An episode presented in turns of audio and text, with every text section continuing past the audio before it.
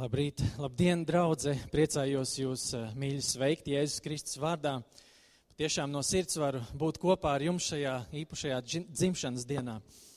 Es gribu vispirms pateikt lielu paldies savam korim, jo tad, kad mēs izbraucam no pilsētas, no mājām, no savas vides, no savu komforta, un kad viņiem ir kādam jāliecina, viņi mājās tādas liecības nepasaka. Un šodien mēs atkal no jauna, es priekš sevis atkal no jauna kaut ko dzirdēju, kā man draudzes locekļi piedzīvo ticību kopā ar Dievu. Un es jums gribu pateikt liels paldies, jūs esat drosmīgi, un paldies arī koru vadītājai Zentai, eh, kad eh, viņi mūs te tā sagatavoja, atbrauc, un mēs, mums desmit cilvēki palika mājās slimības dēļ, un mēs tik un tā atbraucām. Uh, Uh, vispirms es uh, nesu sveicienu no, no Priekulas draudzes uh, un, un zini, ģirt arī no kalētu mazās draudzītes, jo projām tur viss notiek. Pamazītiņām ir nomainījušies kādi cilvēki, bet tā mazā misijas vieta kalētos, kur tu arī brauc un kalpoji, joprojām ir. Un viņi tev sūta sveiciens un kaut ko garšīgu. Tas pēc tam. Es nesu sveicienu arī no Latvijas Baptistu draugu savienības padomas. Esmu padomas loceklis un gribu pateikt, ka Mēs eh, domājam, eh, kopā kalpojam un esam arī ar jums, Vīlāns draudze, eh, gan lūkšanā, gan ticībā, cerībā, kad mūsu draudzes Latvijā pavairosies.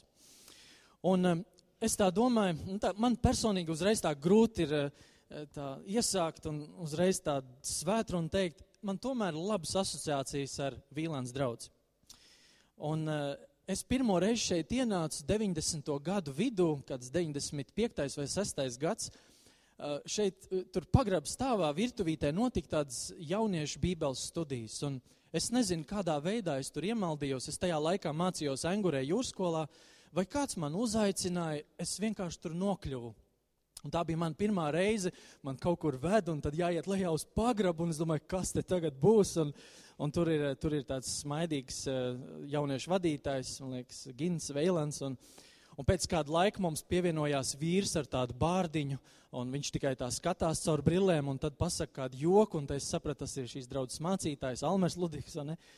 Un, eh, un tad, tad man asociācijas tālāk ir ar 2005. gadu. Mēs bijām kāda traka grupa, kas devāmies misijas braucienā uz Baškīriju. Un eh, Pēters Eisans, eh, mācītājs, bija sapulcinājis kopā tādus kalpotājus un bija liela daļa no Vīlāns draudzes, kāda daļa no Vīlāns draudzes aktīvistiem. Un, un mēs tur pagrabstāvā, tur uh, virtuvītē, mēs tur uh, spriedām, domājām, lūdzām, gatavojāmies misijas braucienam. Trīs diennakts autobusā uz Baškīriju un, un atpakaļ, bet šeit bija tā sagatavošanās. Un es atceros, ka tas autobuss piebrauc un mēs visām savām pekelēm, mantām velkamies pa to Vīlāns ielu tur uz to galu un, un cilvēki skatās un, un eh, tas, bija, tas bija tā jauki. Arī svētki un semināri šeit ir notikuši un man vienkārši ir patīkami te būt. Un, un ziniet, eh, jūsu draudze, jūs varat lepoties. Jums ir, eh, jums ir šī ir vienīgā vieta, man liekas, Latvijā, bet nu, es zinu par Rīgu, kur ir metro. Ja nekur citur Rīgā nav metro, ir šeit metro.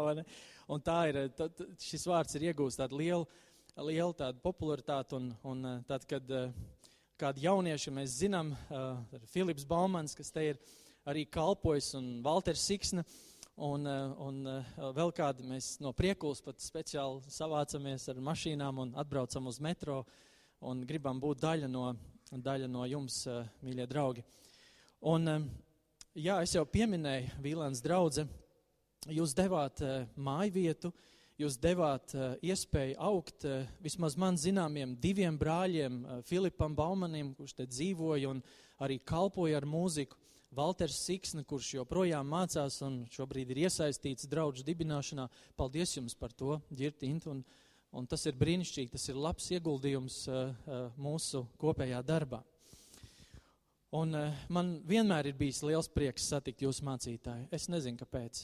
Viņā ir kaut kas īpašs. Un mēs bijām kopā Baškīrijā, mēs kalpojām, un, un varbūt no tā laika kaut kā īpaši, bet vienmēr ar viņu patīkam ir parunāties, vienmēr ir šis smaids, vienmēr viņš atradīs kaut ko labu pateikt. Un, uh, Un uh, es arī gribētu sev tādu mācītāju. Paldies, Girt, ka tu esi. Ja? Un uh, es nerunāju par ģirtu vienu pašu. Viņš nevarētu būt tāds, ja nebūtu viņam mīļā sieva Intiklāt. Un, un vēl viena vēl vien vienkārša lietiņa. Mēs kādreiz ar sieviņu ģimeni dzīvojām uh, Zolitūdē Rīgā, Vīlandes draudz bija tā vieta, kur man divi mazie bērni ir pabeiguši slaveno Vīlandes skoliņu, bērnu skoliņu. Ja? Viņi, viņi te brauca veselu mācību gadu vai pat drusku vairāk. Un, un tad bija tāds izlaidums, un, un bērni bija sabijušies, viņi te sēdēja, mēs kaut kādas bildītas mēģinājām uztaisīt. Bet uh, šī bērnu skoliņa, uh, māmiņa skoliņa vai bērnu skoliņa, viņi ir, uh, viņi ir bijusi ļoti īpaši arī mūsu ģimenē. Paldies jums, draugi, ka jūs to darat un nesiet. Un, eh, un patiešām neaizsteidzieties mājās, jo arī mēs no priekulas esam atveduši. Eh, šis būs tāds garīgais galds, bet ir arī tāds nu, baudāmais galds. Un, un tur būs divi garšīgi kliņģeri, un ai, viss kaut kas neiet projām tikai. Un eh, mēs varētu piecelties lūkšanai, un tad ieklausīsimies vārdā. Mīļais Tēvs, paldies Tev, ka mēs varam būt Tavā priekšā, un šajā brīdī mēs kopīgi lūdzam tu nāc un caur svēto garu Jēzu Kristu, ka tu nāc un izskaidro mums rakstus, ka mēs varam to saprast un pielietot savās dzīvēs. Jēzus, tas mums ir ļoti svarīgi. Mēs tev to lūdzam. Āmen. Lūdzu, sēdiet, draudz.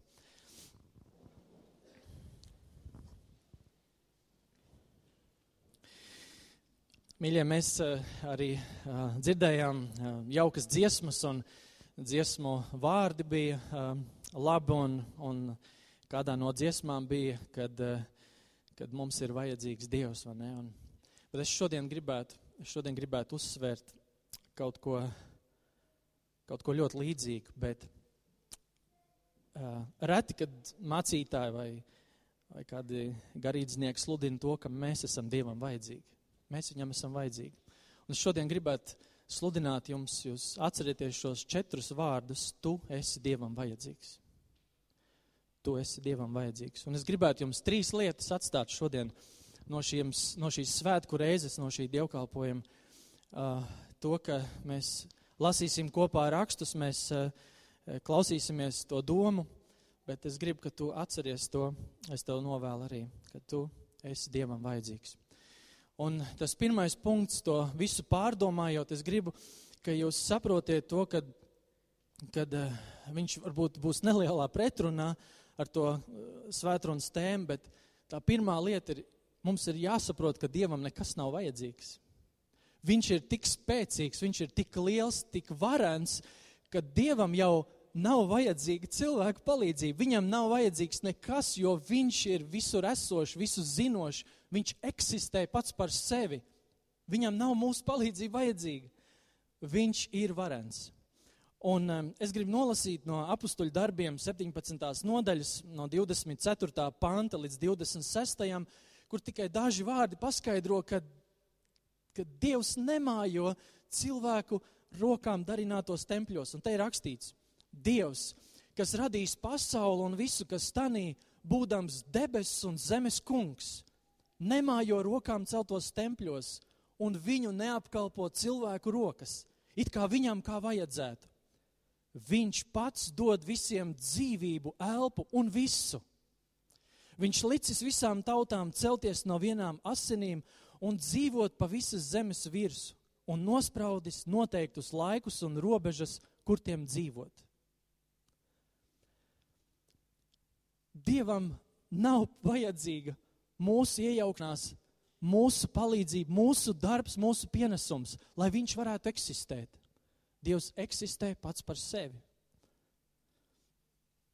Un es turpinot, lai, lai mēs saprotam to, tad viņš ir tāds, kurš var izdarīt darbu bez mūsu palīdzības.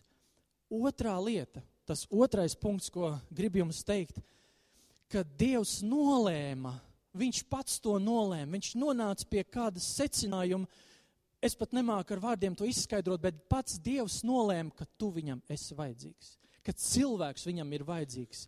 Dievs to nolēma pats. Dievs nolēma, ka tu esi viņam vajadzīgs. Un, eh, un tas ir, to mēs varam atklāt, lasot eh, svētos rakstus, kādus tekstus, un, un tas ir pašos Bībeles pirmsākumos, kur Dievs nolēma, ka Ādams viņam būs vajadzīgs, un nevis tāpēc, lai viņu kaut kādā veidā pavērdzinātu, bet lai sadarbotos ar cilvēku. Dievs izraudzīja cilvēku, ko pats bija radījis. Es, Es izvēlos, ka tu man esi vajadzīgs, un es tev gribu uzticēt varu valdīt pār dzīvniekiem, pār jūru, pār, pār zivīm, putniem. Un šī mana uzticība tev nes kādu atbildību. Es izvēlos cilvēku tevi. Un pirmajā mūzes grāmatā, otrajā nodaļā, 19. un 20. pantā ir šie vārdi rakstīti. Tad Dievs tas kungs izveidoja no zemes ikvienu lauku zvēru un ikvienu putnu gaisā un pieveda tos pie cilvēka, lai redzētu, kādā vārdā viņš to nosauks.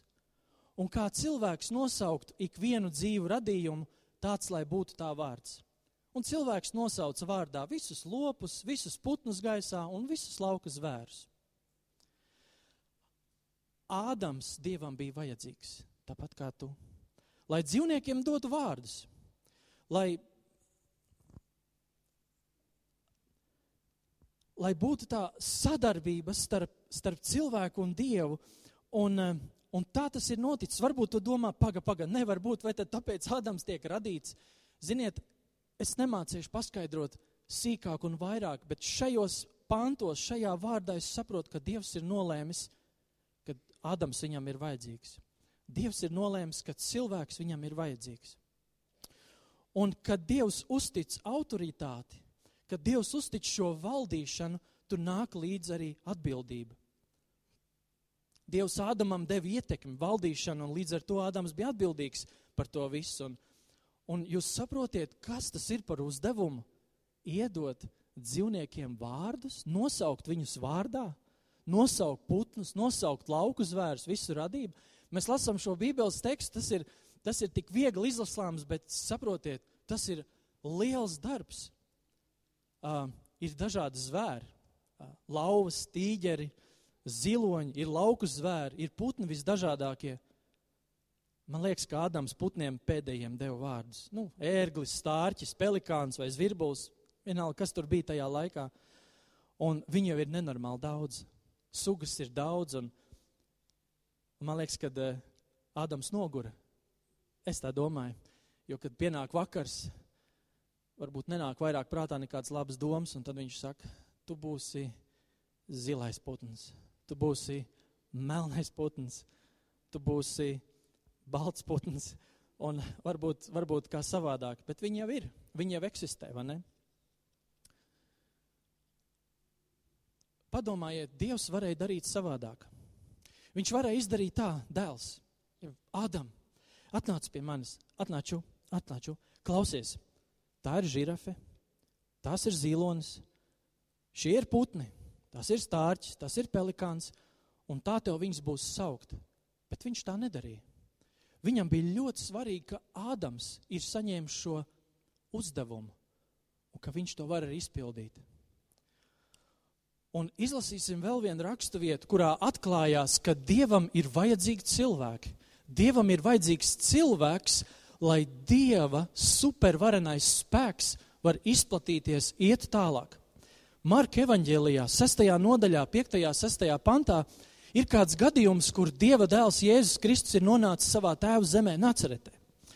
Un, eh, un tur ir vārdi, un viņš, Jēzus, tur nevienu brīnumu nevarēja darīt, tik vien retiem vājiem viņš rokas uzlika un tos dziedināja.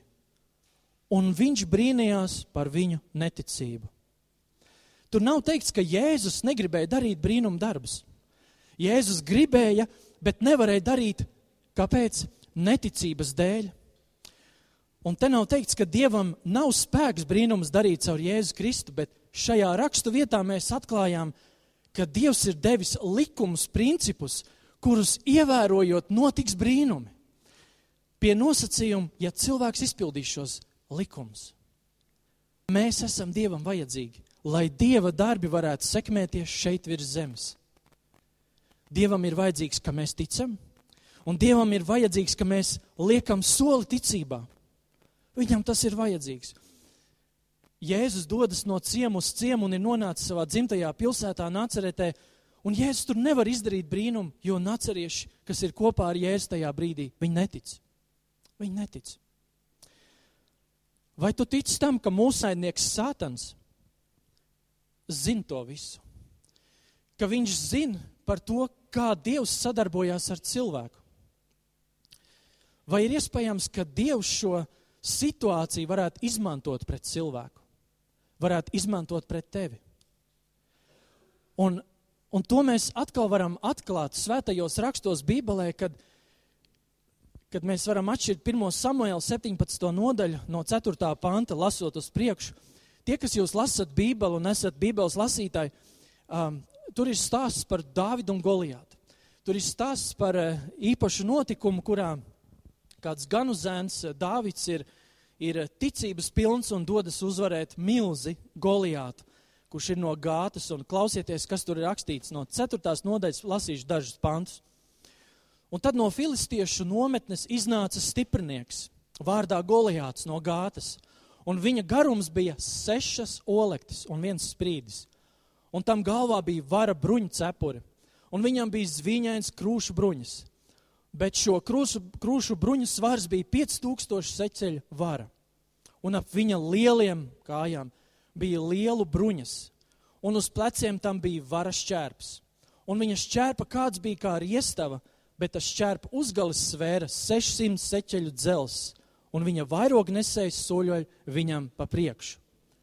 Goliāts ir gigants, milzis, vīrs no filistiešu armijas. Viņš izaicina dieva tautu tās vīrus cīņai. Kāds mācītājs ir pievērsis uzmanību, kad uh, mēs kopīgi lasījām ka Goliāts bija sešas olektis augumā, viņam bija sešas bruņu daļas, un uh, viņa galvenais uzbrukuma instruments, tas šķērps, šķērpa gals bija 600 seķeļi. Kāds mācītājs pievērs uzmanību, ka tur ir simbolika 666. Un atklāsmes grāmatā mēs varam lasīt, ka šie simboli, šie skaitļi nozīmē šis antikristas, antikrista skaitlis. Un uh, ja mēs uzdod sev jautājumu, kas tad ir Goliāta dievs? Kas tad ir šis Goliāta vadītājs, kurš izaicina uz cīņu Izraēlu tautu, Dieva tautu? Jums dzīvē ir bijis tāda situācija, kad ir kāds cilvēks, kurš izaicina jūs un saka, nu paga, kur tad ir tavs dievs? Pamērosimies spēkiem. Kur ir tā ticība? Nu, kad viņš atklāsies? Es gribu redzēt, kā tu tālāk dzīvosi. Tev ir bijis tāds gadījums. Un tad klausieties tālāk, kas ir ļoti būtiski. Un viņš nostājās un kliedz uz Izraēlu karapulku un sacītiem, kāpēc jūs esat nostājušies kaujas ierindā?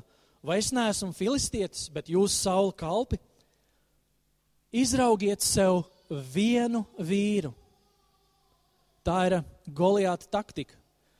Viņš ir milzis, kurš viņam var stāties pretī? Viņš uzdod šo jautājumu. Izraugieties vienu vīru. Tas, lai nāk lejā pie manis, ja tas mani spēs cīņā pieveikt un mani nositīs, tad mēs esam ar mieru būt jums par kalpiem. Bet ja es viņu pieveicu un to nostīšu, tad jūs būsiet mūsu kalpi un mums kalposiet. Un filistietis vēl piebilda, es šodien izaicinu Izraēlu karapulkus. Dodiet man vienu vīru, lai mēs cīnāmies viens ar otru. Kad Sauls un visi izrēlieši šos filistiešu vārdus dzirdēja, tad tie zaudēja drosmi un ļoti izbijās. Es speciāli uzsvēru šo vārdu, dodiet man vienu vīru. Es domāju, ka tajā dienā Sātans varēja Dievam pateikt, es beidzot atklāju tavu taktiku, kā tu strādā. Es tagad zinu, Dievs, ka tu neiejauksies no malas. Es zinu, Dievs, ka tavā armijā nav vairāk ticīgu vīru. Tavā armijā nav vairāk vīru, kas ir spējīgi spērt soli ticībā. Un tāpēc mans Goliāts ir čempions, un viņš sakaus, es pakļaušu tavus vīrus. Padomājiet, vai Dievs nevarētu no debesīm ar zibeni notriekt Goliātu? Vai tā nevarēja notikt? Vai nevarēja notikt kaut kas tāds īpašs? Dievs varēja iejaukties, bet viņš to nedara. Viņam ir vajadzīgs cilvēks sadarbībai, partnerībai. Viņam ir vajadzīgs cilvēks, ticīga cilvēka sirds, kas stāsies pretī ienaidniekam. Māsas un brāļi, draugi, šodien Dievam ir vajadzīgi cilvēki.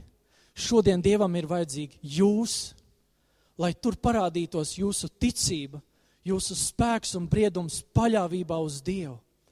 Viņš var savus superspēkus, savus brīnumus darīt tur, kur ticīgs cilvēks lūdz, kur ticīgs cilvēks sauc uz Dievu un neko nepieraksta sev, bet viss gods nonāk Dievam.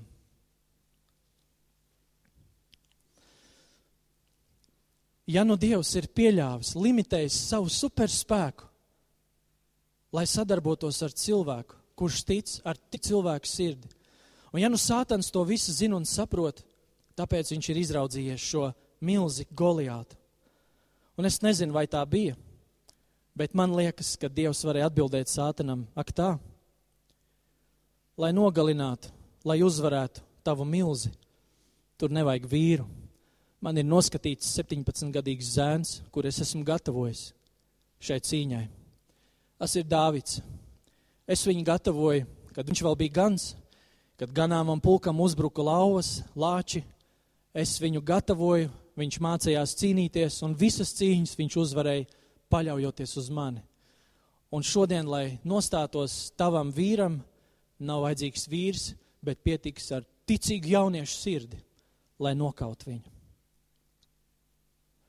Māsas un brāļi, draugi, varbūt jūsu dzīvē šodien ir savs goliāts, kāds, kas jūs izaicina Vai tu vari padomāt, kura dzīves joma šobrīd tev ir visvājākā, kuru tu joprojām kontrolē un saproti, hei, vēl šeit es tikšu galā pats. Dievs, man ir labi šeit, paldies, ka tu man svētī, bet šeit es tikšu galā pats. Kas ir, kas ir tas goliāts tavā dzīvē, kas tev joprojām pieveic? Uzskaiti tos brīžus, kurā tu esi ļāvis lai Dieva spēks, Dieva superspēks caur tevi, caur tavu ticības pilno sirdi plūst un uzvar tavu ienaidnieku. Tavs kārdinājums, tavs izaicinājums, tavs bailes un tā tālāk. Jūs zināt, Dieva vārdā romiešu vēstulē 10. nodaļā, 13. pantā ir teikts, es domāju, ticīgi cilvēki, viņiem, viņiem jāzina šis pāns, jūs to zinat noteikti. Jo ik viens, kas piesauc tā kunga vārdu, tiks izglābts. Jūs saprotiet? Ik viens, kas piesauc tā kunga vārdu, tiks izglābts. Bet, lai šī piesaukšana notiktu, lai manā dzīvē 1994. gadā mans sauciens, mans kliedziens uz Dievu, lai varētu notikt, tur bija vajadzīgs cilvēks, kurš atver savu muti un sludina. Es pats neizdomāju to. Man bija vajadzīgs dzirdēt vārdu, kur ir skaidrs izaicinājums ārā no pasaules. Mārci, es uzaicinu tev šodien uz dievkalpojumu. Dzirdēt dzīvo dievu vārdu. Atnāc. Un tur sludina mācītājs. Viņš saka vārdus, ko daudz ko neatceros, bet sludinātais vārds, dzīvais dieva vārds pieskārās manai sirdī toreiz tajā laikā, septembris, 94. gads, bija vajadzīgs cilvēks. Un ziniet, Tur, turpat uz priekšu romiešu vēstulē 14. pantā ir vārdi, bet kā tad lai piesauc, kam nav ticējuši, un kā lai tic tam, par ko nav dzirdējuši, bet kā lai dzird, kad nav kas sludina. Dievam ir glābšanas plāns šai pasaulē, un tu esi šai plānā svarīga daļa. Tu esi Dievam vajadzīgs. Man patīk dzirdēt tās lūkšanas, kur kādi cilvēki, ticīgi cilvēki, lūdz par saviem kaimiņiem, mīļais Dievs, sūta pie man kaimiņu kādu kristieti, kurš viņam varētu pasludināt dzīvo Dievu vārdu, vai ne? Māsas un brāļi, nelūdz tā vairāk. Saki, Dievs aizsūta man pie viņa un liec man īstos vārdus mutē, lai viņam pateikt, jo, jo viņš, viņa sirds, viņa sirds var mainīties jau tajā vakarā. Tu Dievam esi vajadzīgs. Un, un trešais punkts, pavisam vienkārši. Vai tu esi izdarījis izvēli, ka tev ir vajadzīgs Dievs?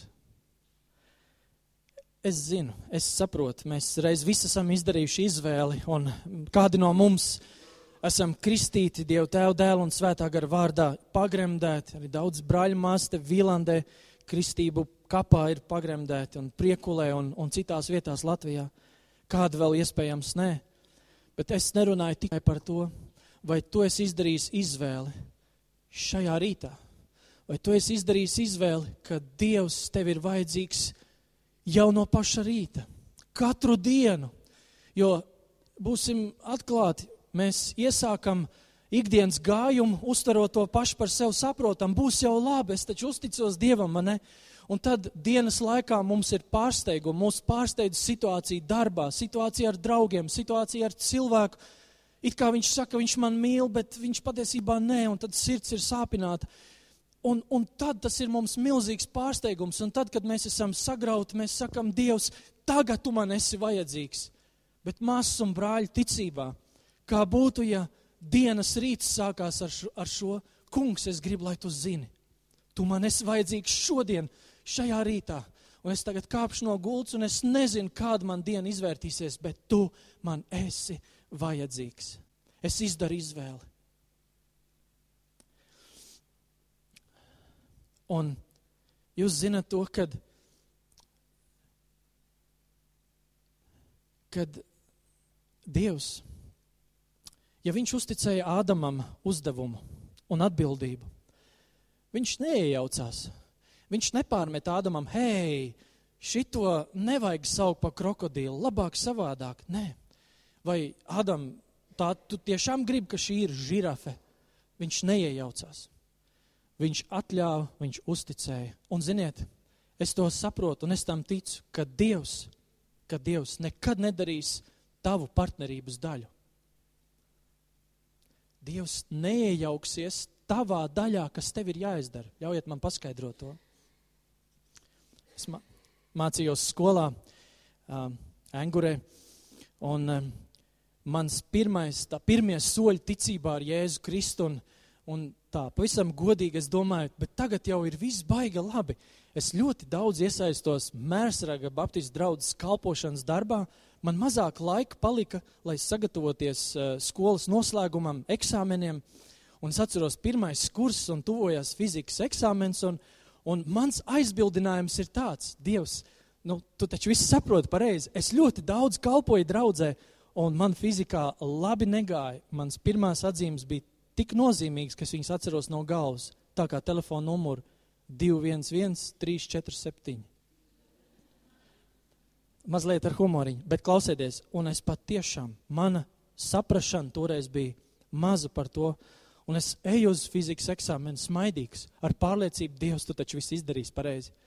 Nu, kā tas varētu būt? Nu, ka es visu saprotu, ka es uzrakstu, un es to eksāmenu neuzrakstīju. Kad es saņēmu atbildi, Es biju ļoti dusmīgs, un godīgi es biju ļoti dusmīgs uz Dievu.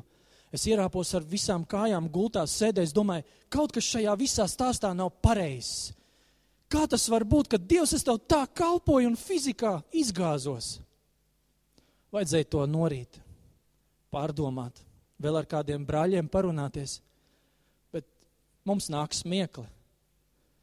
Bet Dievs nedara manu partnerības daļu. Man ir jāmācās. Pareizi. Māsas un brāļi, kā mācītājiem, man sanāk tikties un runāties ar pāriem laulību situācijās, zemestrīcēs.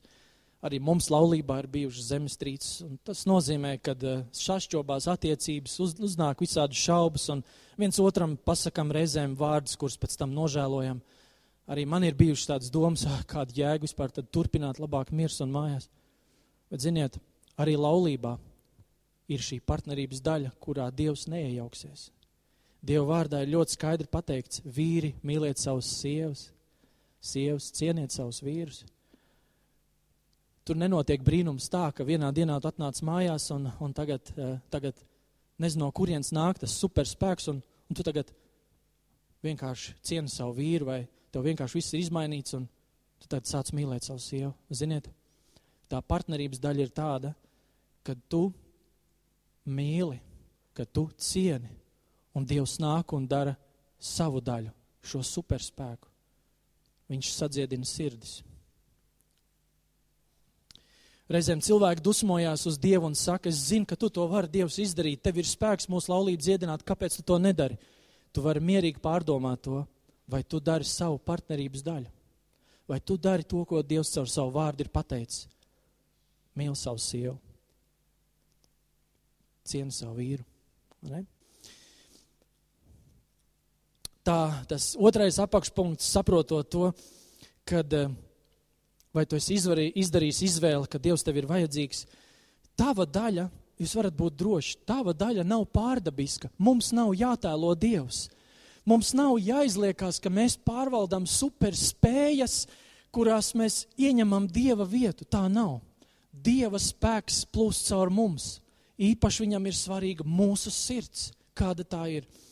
Un mūsu daļa nav pārdabiska. Tā ir laba ziņa. Tev nav jādara kaut kas, kas ir pāri tavām spējām. Dievam ir pārdabiskās spējas. Mūzes, ja mēs lasām Bībeli, ziniet, kas ir Mūzes, nonāca līdz sarkanai jūrai. Dievs neatver jūru. Mūzum kaut kas ir jāizdara. Viņš paceļ zizli, paceļ rokas, jūra pašķiras. Dievs sagaida no cilvēka, viņš izdara, un, un Dievs izdara pārdabisko. Dāvids paņēma oļus, piecus, un ielika savā kārbā un gāja pret Goliātu. Es domāju, ka tie pārējie četri oļi bija Goliāta brālim, dom, brāļiem domāti, jo viņi bija pieci milži. Ja? Un, um, un, un Dāvids met, bet kā var tik superīgi trāpīt ar pirmo pierē un vēl apgāžot fizikas likums, kad tas Goliāts nokrīt uz muti, viņš saņēma stiecienu pa galvu, Viņam taču vajadzēja lidot uz, uz atmuguris, bet viņš nokrīt uz muti. Un, un tas tik vien apliecina to, ka visi zemosies Dieva priekšā, dzīvā Dieva priekšā. Visi zemosies. Un mūsu daļa nav pārdabiskā daļa. Kādus gadīgus atpakaļ es ar eh, priekuls uh, vidusskolu piedalījos kādā nometnē, jauniešu nometnē, kad 50 bērni bija kopā. Un, uh, Un tajā nometnē mums bija paintballs. Um, mēs iznomājām tur uh, to tehniku, aparatūru, tērpus un, nu, īsāk sakot, gājām spēlēt kariņu. Uh, es to, neizd, es, es to izvēlu neizdarīju, es gāju vienkārši piedalīties.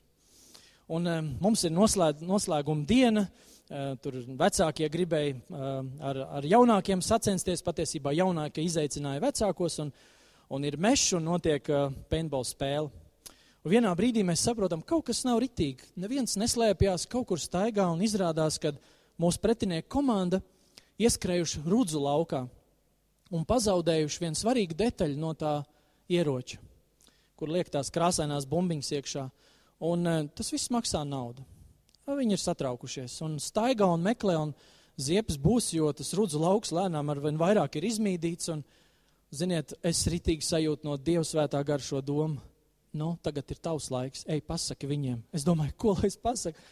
Nu, ej un pasaki, ej un lūdzu. Es nevaru saņemties, nu kā, nu, beigās nu, tā, ka tie puiši tur staigā meklē un es saņemu drosmi, bet man viņa nebija tajā brīdī. Es paņemu to cepuru nost un es saku, vīri, Es nezinu, kādas jums ir attiecības ar Dievu, bet uh, es uh, Bībelē atrodu tādus vārdus, ka mēs pie viņa varam nākt un lūgt par jebkādu situāciju. Un man liekas, ka nu, ir laiks tagad lūgt par šo situāciju.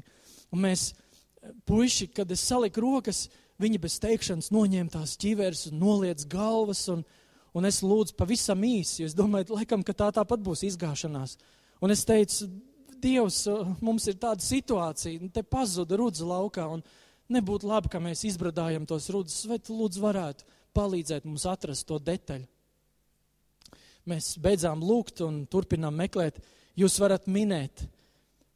Mēs minūti, minūte nepagāja, bet kas notika tālāk? Kāds atrada? Kāds atrada? Un ziniet, tā bija liecība ne par mani, ne par manu superspēku. Cilvēki var tā domāt, bet par Dievu, kurš ļāvās, par Dievu, kurš saka, tu esi mans partneris. Caur tevi es varu bīdīt savas lietas uz priekšu. Mārcis, tev nav nemaz nojausma, cik daudz zēnu sirdis ir kustināts ar šo notikumu. Tu to iespējams arī nekad neuzzināsi, bet man vajag, lai tava ticīgā sirds iet tālāk uz priekšu. Un caur tavu ticīgo sirdi es varu darīt savus brīnumdarbus. Un es gribu noslēgt, es gribu noslēgt ar uh, trešo apakšpunktu. Vienkārši ka tava daļa vienmēr būs pirmā, kas tev ir jādara. Ja tu izvēlies, ka tev šodien ir vajadzīgs Dievs, tava daļa vienmēr ir pirmā. Es paskaidrošu, kāpēc. Tāpēc, ka Dievs savu daļu jau ir izdarījis. Viņš ir radījis Ādamu un Ievu. Viņš radīja cilvēci, viņš rada un turpina radīt. Un, ziniet, kad Ādams visu sabojāja, viens cilvēks, viens cilvēks izvēlējās nepaklausīt Dievam. Kad Ādams visu sabojāja, viena cilvēka dēļ pasaulē ienāk grēks. Dievs zināja, ka tas ir, ka tas notiks, viņam jau bija plāns. Viņš sūtīja savu dārgāko, savu dēlu Jēzu Kristu. Viņš sūtīja manis un tevis dēļ, viņš sūtīja viņu mūsu dēļ.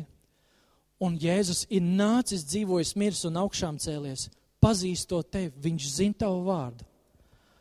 Un mūsu daļa ir vienmēr pirmā - nākt un viņu pielūgt, nākt un viņam uzticēties. Tad, kad eh, mēs saņemam ziņu, kad mums ir kāds slims cilvēks vai kāda situācija, kad jāaizlūdz, mūsu daļa vienmēr ir pirmā. Mēs ejam lūgt, mēs uzliekam rokas, un Dievs dara savu daļu. Viņš dziedina. Mēs ejam, un Viņš dara. Un es gribētu noslēgt, paturpinot to, to sižetu, ko Dāvids izējot pretī Goliātam, ko Goliāts sauc pret Izraēlu tautu. Viņš saka, dodiet man vienu vīru, lai es eju cīnīties. Dodiet man vienu vīru. Un es domāju, ja būtu notikusi saruna debesīs, kad Sātans nāk pie Dieva un saka, izvēlies vienu cilvēku, lai es ar viņu varu cīnīties, un ja es viņu uzvarēšu, tad visa cilvēce ir manējā. Un Dievs saka, labi, es izvēlos, es izvēlos Jēzu sūtīt šeit virs zemes. Un iespējams, Vēlns varētu teikt, nē, nē, nē, pagaidi, tas nav godīgi, tā nevar. Jēzus ir Dievs. Viņš, viņš nevar tā vienkārši nākt pie cilvēkiem, jo viņš ir Dievs. Un Dievs atbild, labi, mēs viņu darīsim par vīru. Un kad laiks būs pienācis, viņš nāks šeit virs zemes, dzīvos starp cilvēkiem, viņam sāpēs, viņš būs noguris, viņš piedzīvos kārdinājumus, viņš būs nepatiesi apmelots, apspļaudīts, piesists krustā. Bet zini, viņš cēlās augšā trešā dienā un uzvarēja grēku. Un Dievam Jēzus bija jāpieceļ, jo viņš bija bez grēka. Un tas, kas ir bez grēka, tas ir tīrs Dieva priekšā. Un es gribu noslēgt ar ebreju vēstules 9. nodaļas 28. pantu, kur Dievs ir izraudzījis šo vienu vīru, Jēzu Kristu, kurš ir manas dzīves labākais vīrietis, labākais vadītājs, vienīgais uzticamais draugs, kungs un glābējs un pestītājs. Tā arī Kristus vienreiz upurēts daudzu cilvēku grēkus atņemt neatkarīgi no grēka, tiks otrais redzams par pestīšanu tiem, kas viņu gaida. Kungs Kristus ir nācis, viņš ir tas vīrs, kurš nāk glābt tevi. Viņš ir tas vīrs, kurš nāk un samaksā ar savu dzīvību, lai šodien viens lūkšanas attālumā tu būtu kopā ar viņu. Tad, nu, mīļie, mēs uh, varam būt pilnīgi droši un pārliecināti, ka Dievs mūs mīl, mēs esam viņam vajadzīgi. Un atcerieties to, ka Dievs, uh, viņš nekad nedarīs mūsu partnerības daļu. Un mūsu daļa nav pārdabiska bet mūsu daļa vienmēr ir pirmā. Nolieksim galvas lūkšanā.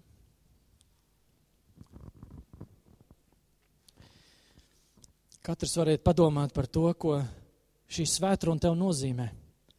Jūs varat padomāt par to, kur ir tās dzīves jomas, kur tev pretī stāv. Iespējams, kā milzis Goliāts. Kurā dzīves jomā tev ir ļoti vajadzīgs uzticēties Dievam, atdot visu, pārstāt to kontrolēt, vienkārši atdot visu.